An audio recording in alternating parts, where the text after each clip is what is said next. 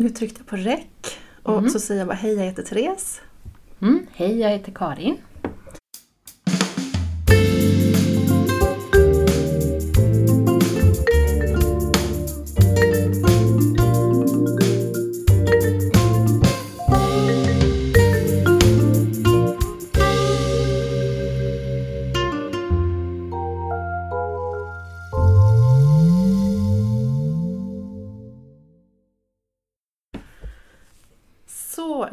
Rullar bandet, säger jag. Ja. kör vi igång. Mm. Eh, här sitter jag i Göteborg med Karin. Och du får säga ditt efternamn själv. ja, Karin Torpadi heter jag. Ja, det Mm. var nästan rätt då. Mm, det var bra. Mm. Var kommer ditt efternamn ifrån? Det är en lång historia, men jag kan försöka dra den kort. Ehm, Det är faktiskt inte utländskt som många tror, utan det är någon långt tillbaka i min släkt som blev präst och bodde i Torp socken och ville ha ett snyggt namn och tog Torpadius, för det skulle låta Mhm. latinskt. Sen på 1700-talet så var det trendigt med franska och då var det någon som ändrade ändelsen skulle- så det skulle låta mer franskt. Ja. Och sen har det varit så. Okej. Just det. Mm. Och vi finns 11 stycken i Sverige. Ja. Och så många är vi inte. Nej, okej. Nej. Och här får jag träffa dig i livslevande Göteborg. Vilken Ja. lyx. Grymt. Mm. Eh, och jag är ju här hos dig för att vi ska prata om ditt jobb. Ja. Jag tänker att du ska få börja med att presentera dig. Mm. Vad du jobbar med och ja, lite grann om dig själv. Så varsågod. Mm. Ja, jag är legitimerad psykolog och jobbar på ett ställe i Göteborg som heter BNK brukar man säga. Det betyder Barnneuropsykiatriska kliniken. Så här träffar vi barn och ungdomar och deras föräldrar som är mellan 0 och 18 i princip. Och gör, eh, framförallt gör vi så kallade neuropsykiatriska utredningar. Och vad vi också gör är att vi håller på en hel del med utbildning till föräldrar och personal och så runt till exempel autism och ADHD. Så vi utvecklar utbildningar och vi ger också utbildningar. Så det är det vi gör. Mm. Och varför har du valt att jobba med just utredningar? Då? Det har jag, på sätt och vis är det lite bananskal i det. För jag har jobbat med barn och ungdomar i 15 år ungefär i lite olika verksamheter. Jag har varit i skolan och jag har varit på BUP och jag har varit i primärvården för barn och ungdomar och så. Eh, och så råkade jag för några år sedan hamna i en verksamhet där man bland annat gjorde neuropsykiatriska utredningar. Och det sammanföll med att eh, jag själv fick barn med Mm. typiska sådana drag. Och började fundera på hur min familj såg ut. Och jag är ju släkten full av ganska typiska personer. Mm. Och tyckte det här var jättespännande. När jag insåg att det jag jobbade med det var ungefär samma sak som jag var van vid hemifrån. Ehm, så lite slump, lite, eller rätt mycket eget val med tiden. Mm. Så. Mm. Och jag tycker det är roligt för att jag tycker att ofta är det ganska lite som krävs i förståelse och bemötande. Att har man väl fattat i omgivningen så kan det gå väldigt bra. Mm. Och då tyckte jag det var väldigt roligt att jobba med det här för att man kan åstadkomma så mycket med hjälp av en bra utredning och bra information till omgivningen. Just det, så det är lite grann att alltså, komma över tröskeln, tippa över kanten lite grann. Sen så Ja. öppnade sig Ja, en ny efter värld. ett tag när man har vant Mm. sig och förstått sig på det och processat vad det innebär och så som förälder. Mm. Så jag tycker det är väldigt roligt. Plus att jag tycker det är den roligaste gruppen jag jobbar med. Fantastiskt. Ja, för dina utredningar eh, de kretsar kring neuropsykiatriska Ja, funktionsnedsättningar. ja på Mm. BNK är det det vi utreder. Mm. Och vilka diagnoser är det då? Ja, de, de största grupperna, det vanligaste är ju ADHD i Mm. olika varianter. Det finns lite olika kombinationer av symptom så. Men ADHD-frågor och autismfrågor är de två största. Sen finns det ju en del annat också. Det kan ju handla om Tourette till exempel som är lite som ADHD men inte riktigt, har en del andra drag också. Sen är det ganska mycket tilläggsproblematik som man säger då. Det vill säga att många har lite tvångsmässiga drag och man kan ha ångest och det kan finnas annat runt omkring. Mm. Men det är primärt den här ADHD och autism, det är nog de stora frågorna vi har. Mm. Mm. Just det. Och eh, hur går det till då när man kommer hit till dig? Eh, Vad, vad har hänt innan man kommer till dig? Ja, det ser lite olika ut men i de flesta fall så har det funnits en oro ganska länge runt det här barnet eller ungdomen. Eh, ibland har det skett en utredning någon annanstans, till exempel på BUP. Mm. Ehm, och då kan det vara fråga om något som kallas second opinion, det vill säga att föräldrarna känner inte att det stämde riktigt eller BUP själva är lite tveksam och tycker inte riktigt man kan ta ställning. Och då kanske man ber oss att göra en ny utredning. Mm. Det är en variant. Ibland har det inte skett utredning innan men det finns ett ganska bra underlag då i form av så här observationer man har gjort i förskolan, och specialpedagogen har varit inne, BVC-psykologen har träffat barnet. Så det brukar finnas en del information som talar för att det ändå behövs en utredning. Mm. Så. Så det är ingenting som kommer över natten och så kommer man hit utan då har det varit bekymmersamt länge om man har varit orolig. Mm. Så, är, så ser det oftast ut. Vad är det man brukar vara orolig för då? Vad är det för Ja. grejer man tänker på? Det beror lite på ålder när man Mm. kommer tycker jag. Men om man, tänker, om man börjar i så lägre åldrar. Då är det vanligaste tycker jag att em, antingen har man själv som förälder sett saker som gör en bekymrad eller fundersam. Eller också är det förskolan. Det är ganska vanligt att förskolan signalerar till föräldrar att det är någonting som blir svårt för barnet här. Mm. Ofta är det att det blir svårt med samspel. Det kan vara svårt att funka ihop med andra barn i lek. Det kan vara väldigt så här stor rigiditet, det vill säga att man blir väldigt styrande och har jättesvårt att ta när saker förändras eller någon annan ska bestämma i leken och så. Det kan vara att man är väldigt intryckskänslig, att man märker att barnet far väldigt illa av mycket ljud och stök i omgivningen och liksom drar sig undan och undviker det och så. Det kan också vara det som kallas hyperaktivitet, ehm, det vill säga att det är väldigt hög aktivitetsnivå och liksom blir väldigt stökigt och allting går fort och barnet hinner inte tänka sig för och det sker grejer väldigt impulsivt och så. Det är en ganska vanlig bild i förskoleåldern. Mm. Och hemma kan det se ut så då att ehm, det som flest föräldrar säger tycker jag det är väl det här med att väldigt många vardagsrutiner blir väldigt besvärliga. Mm. Det blir mycket låsningar, ofta mycket utbrott och liksom stark upprördhet hos barnet inför ganska, som man kan tycka, små saker. Men det skapar väldigt mycket bekymmer. Och det är ofta svårt för föräldrarna att förstå vad det beror på och hur man ska göra för man förstår inte riktigt den här starka reaktionen på till synes små grejer som tandborstning till exempel. Mm. Och det kan ju då bero på att det finns en massa osynliga, för omgivningen osynliga saker som gör det besvärligt, som barnet inte kan kommunicera. Mm. Som tar sig uttryck i att man vägrar till exempel.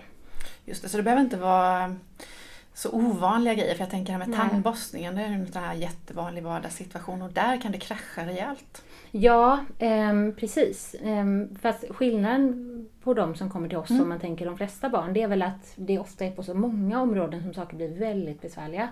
Och det är liksom flera gånger varje dag och det upprepas Mm. varje dag och man hittar inget sätt att få till det. Eh, och då är det många som har andra barn där de har fått till det och inte riktigt förstår varför Mm. det inte funkar här.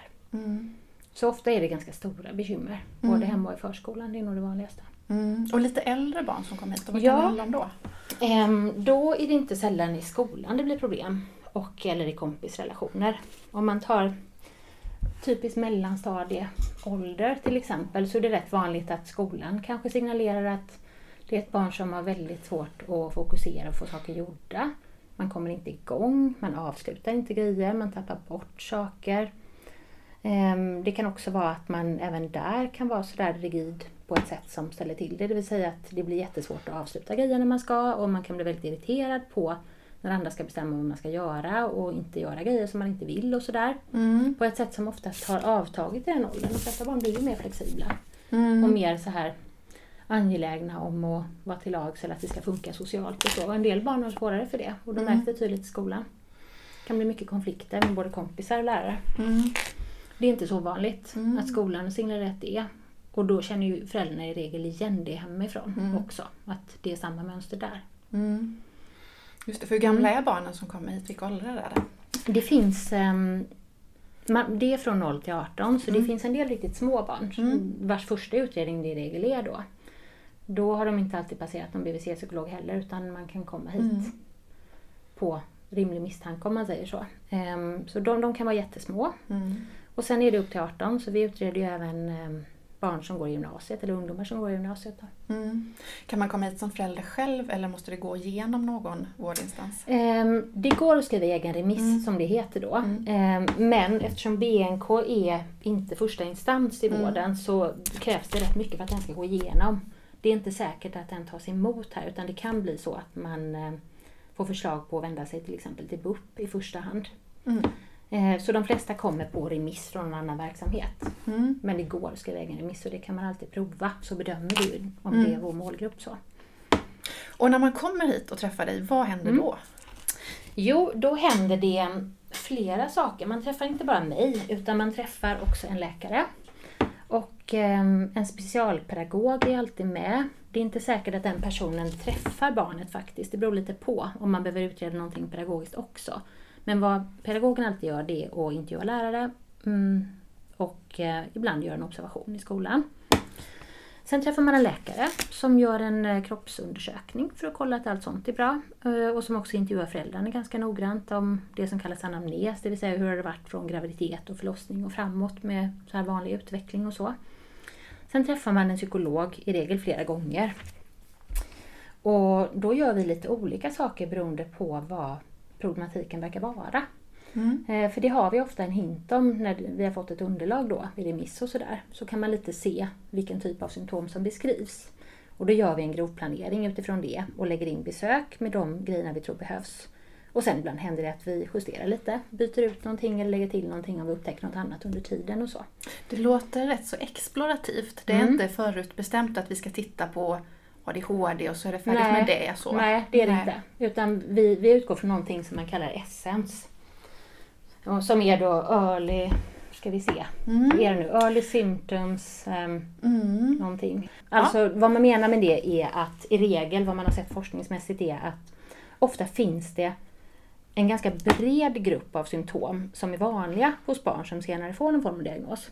Och det är viktigt att kunna känna igen dem och inte bara titta på en, ett område i taget. För i diagnosmanualen så kan det se ut som att det är helt olika saker som är avgränsade. Mm. Det stämmer inte så bra i verkligheten utan mm. de flesta har lite av varje och kanske mer av någonting då som blir huvuddiagnosen. Därför så kan vi ha en tanke i början om vad vi framförallt bör titta på men vi tittar också brett mm. hela tiden under utredningen och justerar mm. hur vi gör. Men när man kommer till mig då? Mm. mm. jo, en typisk grej man oftast får göra det är att göra ett test av eh, man kan säga att det är ett test av vad man kan och vet jämfört med de flesta barn i sin ålder. Hur man kan använda sig av information och analysera den och dra slutsatser. Mm. Det får man göra i regel. Eh, sen tittar vi på det som kallas arbetsminne som är förmågan att hålla information aktuell en kort stund när man behöver den, till exempel instruktioner och sånt.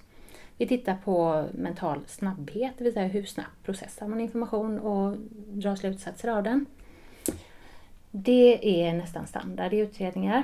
Sen gör man ju då olika saker beroende på vad man behöver kolla. Vi tittar ofta på eh, autismsymptom som ofta handlar om samspel och kommunikation. Så då tittar man på hur barnet kan använda sig av kommunikation både verbalt och icke-verbalt. Eh, hur barnet verkar förstå andra sådana kommunikation. Eh, man tittar på hur barnet leker tillsammans med en, vilken sorts ömsesidighet och samspel man kan få till med barnet när man gör det.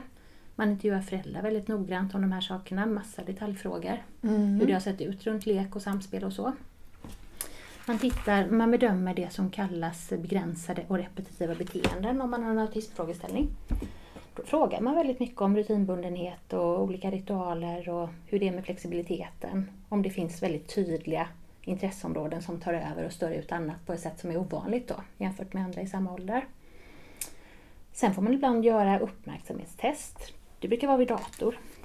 Och det är jättetråkigt.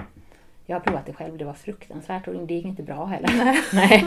Det brukar jag säga till barn som är sådär, åh gud det här kommer gå dåligt. Bara så här, du, du skulle bara veta hur mitt resultat såg ut. Jag säga då. Mm. Det är tråkigt. Men det, det ska vara tråkigt för att alla kan fokusera på det som är kul. Det kan man när man mm. har ADHD också. Mm. Därför måste man göra en ganska tråkig men enkel grej för att se om man då klarar att mm. fokusera på ren viljestyrka. Mm. Så det gör vi ofta också. Mm. Det är nog de allra vanligaste grejerna. Mm. Sen kan vi göra lite andra mer specifika grejer om man tycker att man behöver det. Man kan titta på olika delar av det som kallas perception. Det vill säga hur man uppfattar och tolkar sinnesintryck och så. Mm. Det gör vi också ibland, men det är inte alltid utan det är om det finns någonting som talar för att det behövs. Då. Mm. Just det. Så vad det händer när man kommer hit. Ja, och vad händer sen eh, liksom, på ditt rum mm. när du sitter och tittar på dina papper? Och... Ja, det som händer en viktig grej som jag ska säga um, som händer i början det är att oftast är, i alla fall jag gör så att jag är med på första besöket hos läkaren. Mm. Så jag träffar både barnet och föräldrarna innan vi börjar med själva utredandet. Och det gör jag av två skäl. Dels för att jag vill att barnet ska ha en bild av mig och förhoppningsvis känna sig okej med att komma tillbaka. Men också för att jag vill fråga om det är något barnet eller ungdomen själv vill ha reda på. För det glömmer man ibland i utredningar. Mm. Att man bara ställer diagnos. Men oftast har man ju egna frågor. I alla fall Mm. från en viss ålder uppåt, som man faktiskt undrar över. Mm. Till exempel kan det vara så här, varför är det så jobbigt för mig när det är höga ljud? Varför blir jag så stressad då? Mm. Den sortens frågor får man ofta. Då brukar jag försöka samla in dem och svara på dem så småningom. Ehm, och man kan också säga att när man kommer hit, jag har ju en plan för hur vi ska göra. Men i den gruppen vi jobbar med så är det väldigt ofta så att saker inte blir som man har tänkt sig. Och det är det jag tycker är så roligt, så jag gillar ju det här. Mm. Jag får ju improvisera hej vilt. Jag kryper omkring på golvet och ropar frågor och leker samtidigt ibland. Mm. Så man gör på det sättet som funkar. Och de flesta barn vi träffar tycker det är helt okej att komma hit och ganska roligt. Även om det kan vara barn som innan har vägrat gå till någon och sådär. Mm. Så. Ehm, sen händer det att jag, jag sätter mig med mina grejer och tittar på helheten. Vad kommer fram här? Hur ser det ut? Finns det någonting som sticker ut där man kan tänka sig att det här kan nog förklara det som blir besvärligt? Sen så gör ju läkaren samma på sitt rum och specialpedagogen gör det på sitt rum och sen sitter vi alla tre tillsammans och diskuterar och jämför våra bilder. Mm. Och ofta har vi ganska likartad bild och kommer fram till någon diagnos, eller flera ibland. Mm. Och ibland ställer vi en diagnos. Mm. Det betyder inte att det inte är några bekymmer utan det betyder ju att det är bekymmer på den nivån man får kalla personlighetsdrag. Mm. Alltså det är tydligt och det är bra att omgivningen vet om det och förhåller sig till det på ett vettigt sätt. Men det är inte på den nivån att man ställer en diagnos. Mm.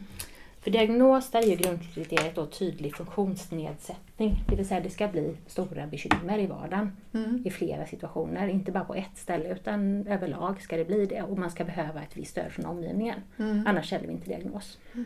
Så ser det ut.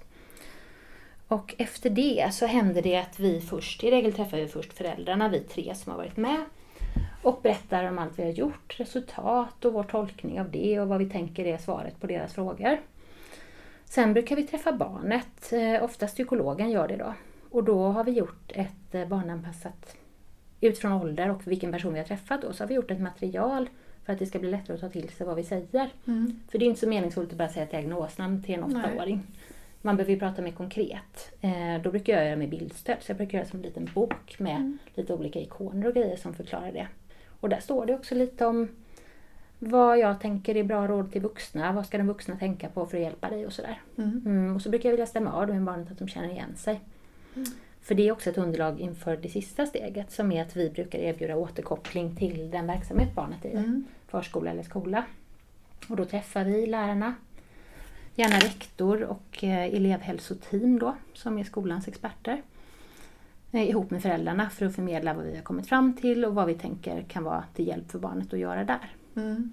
Och då vill jag ha träffat barnet innan så jag har stämt av ungefär vad, vad vill jag säga till en lärare, tycker du det här verkar vettigt? Så att inte vi säger saker som inte alls Mm. barnet är med på. Så, så är grunden liksom i en utredning. Mm. Mm. Och beroende på vilken diagnos som Mm. ställs då, blir det lite olika sen eh, efterföljder här? Ja, det blir det. Ehm, För när det gäller, om man tänker ADHD-problematik som huvuddiagnos, då håller inte BNK i föräldrautbildning. Mm. Utan då sker det på BUP, så då skriver vi i så fall en remisstid så får man gå till sin BUP-mottagning och få det. Mm. Eh, Är det däremot en autismdiagnos så får man om man vill föräldrautbildning här som är anpassad för olika åldersgrupper då. Mm. Ehm, och det är ju en grund, för det är ju första steget att förstå vad det är för något det här och det är också en del konkreta råd om hur man ska göra i olika situationer för att Mm. anpassa för det här. Sen så ser det varierande ut hur, ehm, hur uppföljningen ser ut för att en del barn där vill man kanske prova medicinering om det är en ADHD-problematik och då kan ju det sättas in här och sen följs det upp på BUP. Ibland finns det någon annan problematik som är mer, som man säger, sekundär då. Det är inte så vanligt till exempel vid tonåringar då.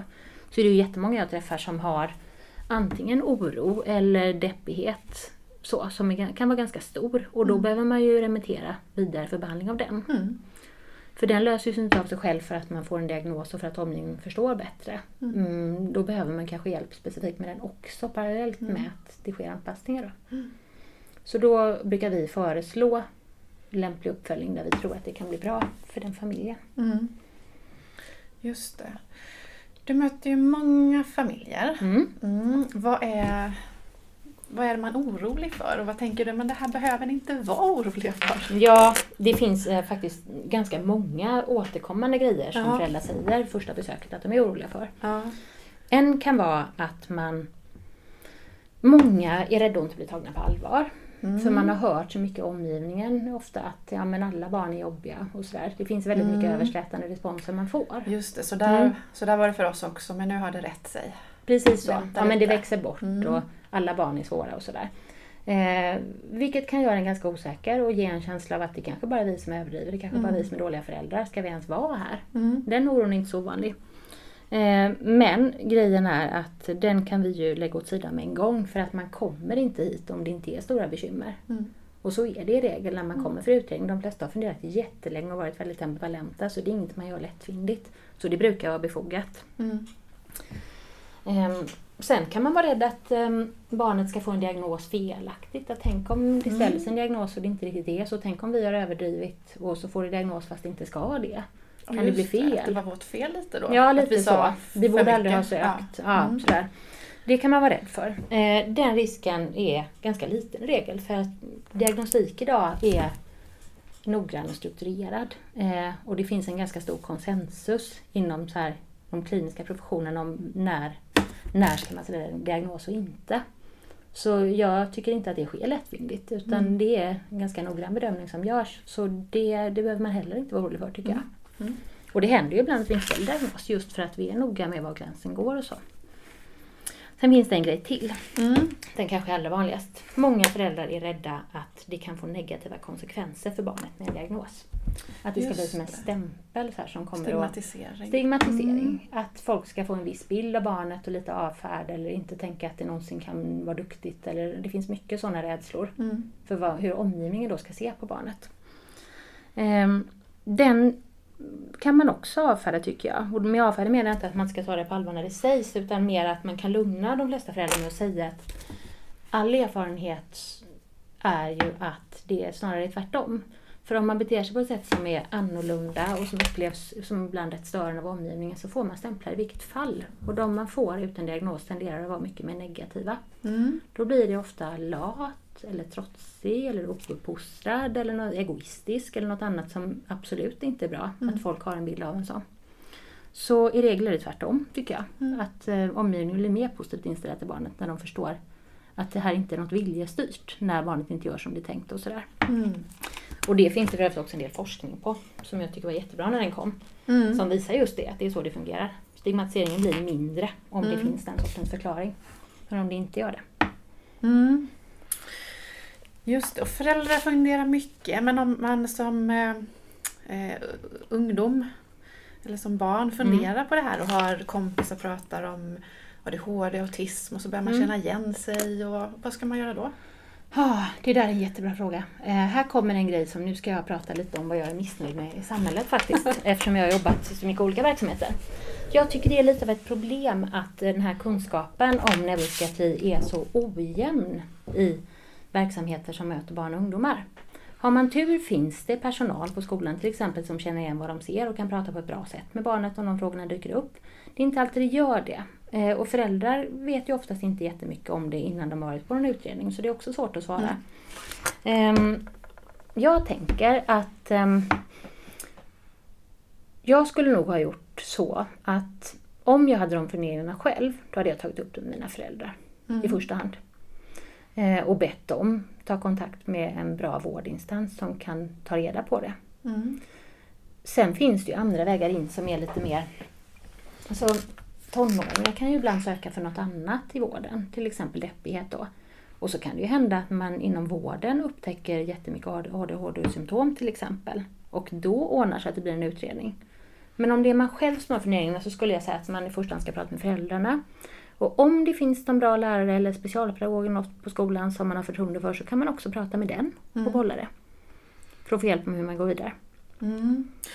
Just det, och du var ju lite missnöjd med, eh, Mm. med det här hur omgivningen bemöter barn och unga som har frågor. Vad tänker du att omgivningen borde liksom kunna bättre förstå mer när det gäller eh, NPF? Ehm, Egentligen tänker jag att jag tror inte det är inställningen det är fel på i regel utan det är nog mer att kunskapen är så ojämnt spridd upplever jag. Att i vissa verksamheter finns det jättemycket kunskap och i andra blir man väldigt osäker, att det blir lite beröringsskräck så här att ja, men det där kan vi inte. Och då får man inte så mycket bollplank och då kanske man inte frågar mer. Det är mer det. Så att höja någon slags eh, den Mm. grundläggande basnivån, höja Ja. den lite grann Ja, i verksamheter där man möter Mm. barn helt enkelt, barn och unga. Det tycker jag vore jättebra. Och jag säger, I många verksamheter tycker jag Mm. det är jätte, jättehög nivå. Så det är inte det att jag tycker det är dåligt Nej. överallt. Men jag ser att det ändå är ojämnt och det blir ju bekymmersamt för de barnen då som har frågor och inte har någon som de kan ta det med som, är, som finns nära till hands. Mm. Någonting som eh, har uppmärksammats i lite olika vågor under åren som har gått det är ju det här med hur mycket oftast man diagnostiserar. Mm. Och eh, rubriker som att man överdiagnostiserar ADHD och nu Mm. autism och sådär. Mm. Hur, eh, hur ser det ut? Vad, tänker, vad är din erfarenhet? Är det för mycket eller för lite? Eller? Jag, jag tänker så här. Mm, jag skulle inte säga att det utreds för mycket. För vad jag har sett i alla fall genom åren det är att det är befogat när man kommer för utredning. Däremot så finns det en viss variation eh, i diagnosprevalensen, alltså vilka diagnoser som ställs då i olika län och så. Där kan man fundera lite för att det här är ju saker vi vet är fördelade på ungefär samma sätt överallt. Så det borde rimligen vara ungefär lika många som har ADHD till exempel oavsett vilket län man bor i. Ja, verkligen. Nu ser det inte riktigt ut så. Och det talar väl ändå för att diagnostiken är väl kanske inte helt hundra då överallt. Ehm, Tänker du att man har andra glasögon på sig då när man Mm. tittar på barnet? Och... det tror jag. Och det finns åt båda håll. Mm. Så att ofta blir det väldigt mycket fokus på överdiagnostik i media. Mm. Men det finns ju faktiskt också områden där det måste vara en underdiagnostik när man Mm. tittar på siffrorna. Så att det där är ett problem som slår åt båda håll. Mm. Och där skulle jag önska att man blev bättre på Du pratade ju om eh, sekundära Mm. alltså symptom. Mm. Det här med depression och ångest. Är det Mm. de man fastnar i då lite grann kanske? Det är inte så slut där? vanligt. Ja. Det är inte helt ovanligt att man letar efter andra förklaringsmodeller, speciellt om man inte är så van vid att tänka neuropsykiatri. Och det finns också på vissa håll fortfarande, vad jag vet, en så ideologisk inställning kring detta, där man tycker att det är tveksamt och det är inte en förklaringsmodell man är bekväm med. Nej. Och då tenderar man att hitta andra förklaringar. Och det är klart att tittar man på ett barns liv så finns det ju massa faktorer som skulle kunna bidra. Mm. Och ibland så upplever jag att man missar grundläggande problematik för att man fastnar i det här runt omkring. Till exempel att ja men det är så stökigt hemma, det är klart att Pelle är stökig och så. Mm. Inte helt ovanligt. Just det. Mm. Men då, jag tänker om vi ska se hela, hela bilden så får vi tänka in det här med ärftlighet också. Ja, och att det är ju det. föräldrar också har lite svårigheter. Det är ju det. Det är ju inte ett argument mot. Det är, om man ska hårdra det lite så kan det snarare vara ett argument för att man borde utreda. För Mm. att stökiga omgivningar tenderar att Mm. handla om att det kan finnas andra personer som har en del svårigheter. Så att, Mm. precis. Man behöver kunna se alltihop på en gång. Mm. Och inte utesluta neuropsykiatri för att det finns vissa omständigheter och så. Nej, precis. Mm. Spännande. Och det här är ju ett område som du... Eh, alltså jag tänker det här är mer än ett jobb, det är ett intresse. Ja, Ja. det är mitt specialintresse. Så vad har jag missat att fråga dig nu då? Mm, jag vet inte om jag har missat så mycket, men en grej jag skulle vilja, om man skulle vilja skicka med någonting till Mm. omgivningen, som är alltid bra att ha som utgångspunkt. När man möter barn och ungdomar som inte beter sig som man förväntar sig, som verkar liksom ställa till det och vara allmänt jobbiga. Så. Mm. Då är det nästan alltid bra att tänka, jag brukar ha begreppet will not skill. Mm. Det, Will not skill. mm, Mm. Mm. Ehm, då har det, många tänker så, att det handlar om att barnet, du kan om du vill. Mm. Mm. Alltså, du väljer att jäklas här nu, men egentligen kan du ju skärpa dig. Liksom. Mm. Då, då hamnar man väldigt ofta fel. Och tittar man över tid på vad som händer när man möter barn så, så brukar det bara bli värre och värre. Det är Mm. inte hjälpsamt. Man behöver vända på det och tänka skill, not will. Mm. Vad är det i den här situationen som gör att barnet inte fixar det här? Mm. Vad är det vi har missat att tänka på för att ge förutsättningarna? Mm. Då går det oftast väldigt mycket bättre. Mm. Och det är en sån enkel tumregel som jag tänker att man alltid borde tänka när det blir så här. Att vad, är det, liksom, vad är det i förutsättningarna här nu som inte räckte? Vad kan Mm. vi tillrättalägga? Mm. För även barn med neuropsykiatriska funktionsvariationer har ju viljan att fixa saker. Mm. Och en bit upp i ålder så är ju jättemånga jag träffar ganska ledsna över att det ständigt kör ihop sig för dem. och De förstår inte varför och det är mycket funderingar runt vem man är och varför det går fel och sådär. Mm. Mm. När det är ingen som vaknar på morgonen och tänker nu ska jag, nu ska Nej. jag åka ut i korridoren. Nej, Nej. det är ju inte det.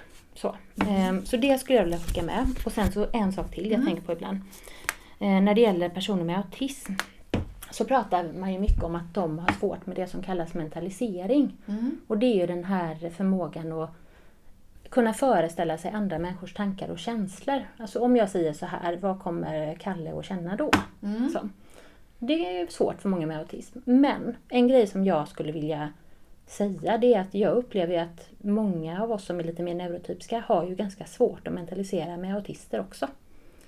Så. Mm. Eh, Det har jag faktiskt hört. En fantastisk tonåring jag träffade som sa det till mig att alltså, ni pratar så mycket om att vi är dåliga på det men ni är ju helt kassa på hur vi tänker också. Mm. Och det hade han ju helt rätt i. Mm. Så är det. Och det tycker jag ofta är en stor hjälp. Det är därför jag håller på mycket med utbildning och så. Mm. För att vi vill lite underlätta eller snabba upp den här processen för omgivningen med att lära sig tänka lite mer som en person med autism gör. Mm. För det är ofta det som är nyckeln för att fatta vad det är som går fel och hur man själv kan underlätta. Mm. Just och där får man vara rätt så öppen tänker jag Mm. i att verkligen lägga bort sina förutfattade meningar och Ja. vara nyfiken. Och Precis. fråga och undra och inte värdera. Precis så är det. Ja. För det finns ofta en förklaring. Ofta hör vi det här från folk omkring så här att ja men det var helt obegripligt. Mm. Helt plötsligt bara är grejen så här, det fanns ingen anledning. Mm. Det finns en anledning Mm. men den är inte synlig för någon som inte har autism kanske. Mm. Och då får man försöka luska fram den och det går oftast om man är just nyfiken och icke-dömande. Just det, så skill not will och sen Mm. så det här nyfikna, icke-dömande Mm. Detektivarbetet. Mm, precis. Utifrån någon baskunskap om autism. För då vet man lite var man ska Mm. fiska någonstans. För det Mm. finns vissa återkommande grejer som tenderar att stressa. Mm. Så man kommer rätt långt med det. Mm. Jag bara fråga, för nu har du använt lite begrepp som är lite spännande. Det ena är ju neurotypisk och sen har du sagt funktionsnedsättning och Ja. sen har du sagt funktionsvariation. Ja, Du det berätta pratar jag lite lite om. tre begrepp. Absolut. Neurotypiskt det är ett sånt här begrepp som används om personer som är, fungerar ungefär som de flesta gör i sitt tänkande helt enkelt. Alltså personer som inte har till exempel autism eller ADHD. Hyfsat vanligt tänkande. De kallar man ibland för neurotypiska. Mm. Och det är ju de flesta av oss. Mm. Ehm, sen funktionsnedsättning och funktionsvariation. Inom vården så använder vi ordet funktionsnedsättning. Och det beror ju på att det jag sa förut, att det är grundkriteriet för diagnos. Det vill säga det ska skapa stora bekymmer i vardagen. Mm. Det ska göra att man inte fungerar på den nivån som man kanske borde göra utifrån sin ålder, eller som de flesta gör. Så. Mm. Då är det en funktionsnedsättning. Det är ju med konsekvenserna eh, i mötet med den miljön man har. Hur man är i mötet med den miljön man är i och de förväntningar som finns på en. Där uppstår funktionsnedsättningen. Mm. Funktionsvariation, det handlar mer om man kopplar bort det här med miljön och förutsättningarna och bara tittar på hur man funkar i sig. Då finns det ju en väldigt stor bredd i hur människor är som personer. Mm. Då kan man använda ordet funktionsvariation, för det handlar mer om det här med att vi fungerar rätt olika kognitivt och det är större variationer än man kan tro. Och det som blir en funktionsnedsättning i en viss situation måste inte per automatik vara det överallt. Mm. Och där har vi funktionsvariationen, den är mer neutral på något sätt. Mm. Och det är ett begrepp som en hel del, till exempel finns det en ganska stark så här, autism-community. Vuxna personer med autism som använder det begreppet mycket för just beskriva att man kanske inte själv tycker att det är en funktionsnedsättning. Däremot blir det ett problem när omgivningen inte accepterar att man är som man är. Mm. Eh, och kräver att man ska bete sig så kallat normalt då. Eh, men i sig och vara som man är behöver inte vara något dåligt. Eh, så jag tycker det är ett ganska bra begrepp. Eh, sen just i vården så blir det svårt att använda det för att då kan det lite skymma behovet av stöd och anpassningar som i regel finns när vi har utrett. Mm. Då blir det lite lurigt, tänker jag. För då kan det låta lite som att, ja men ibland så pratar man om att ADHD är en superkraft och sådär. Och det kan det ju vara i vissa avseenden för vissa personer. Men det blir lite farligt att prata för mycket om det på det sättet. För det kan lite framstå som att det är något fantastiskt om vi bara ska lyfta. Och Mm. Det blir ett problem för dem, den rätt stora gruppen som behöver stöd och anpassningar. Mm, absolut. Så. Mm. Men att kunna hålla två tankar i huvudet samtidigt borde ju kunna gå. Ja, alltså dels absolut. att tänka att det kan vara en funktionsnedsättning när det krockar med kraven. Ja. Men vi har alla funktionsvariationer Ja. och olikhet Precis. kan bli en tillgång. Ja, Mm. precis så. Så det är lite olika perspektiv på Mm. sätt att fungera om man säger så. Mm. Mm. Mm. Just det. Tack så jättemycket för din tid. Tack själv, det var väldigt roligt. Ja, varsågod. Jag kan ju prata mycket som helst om det här. Ja.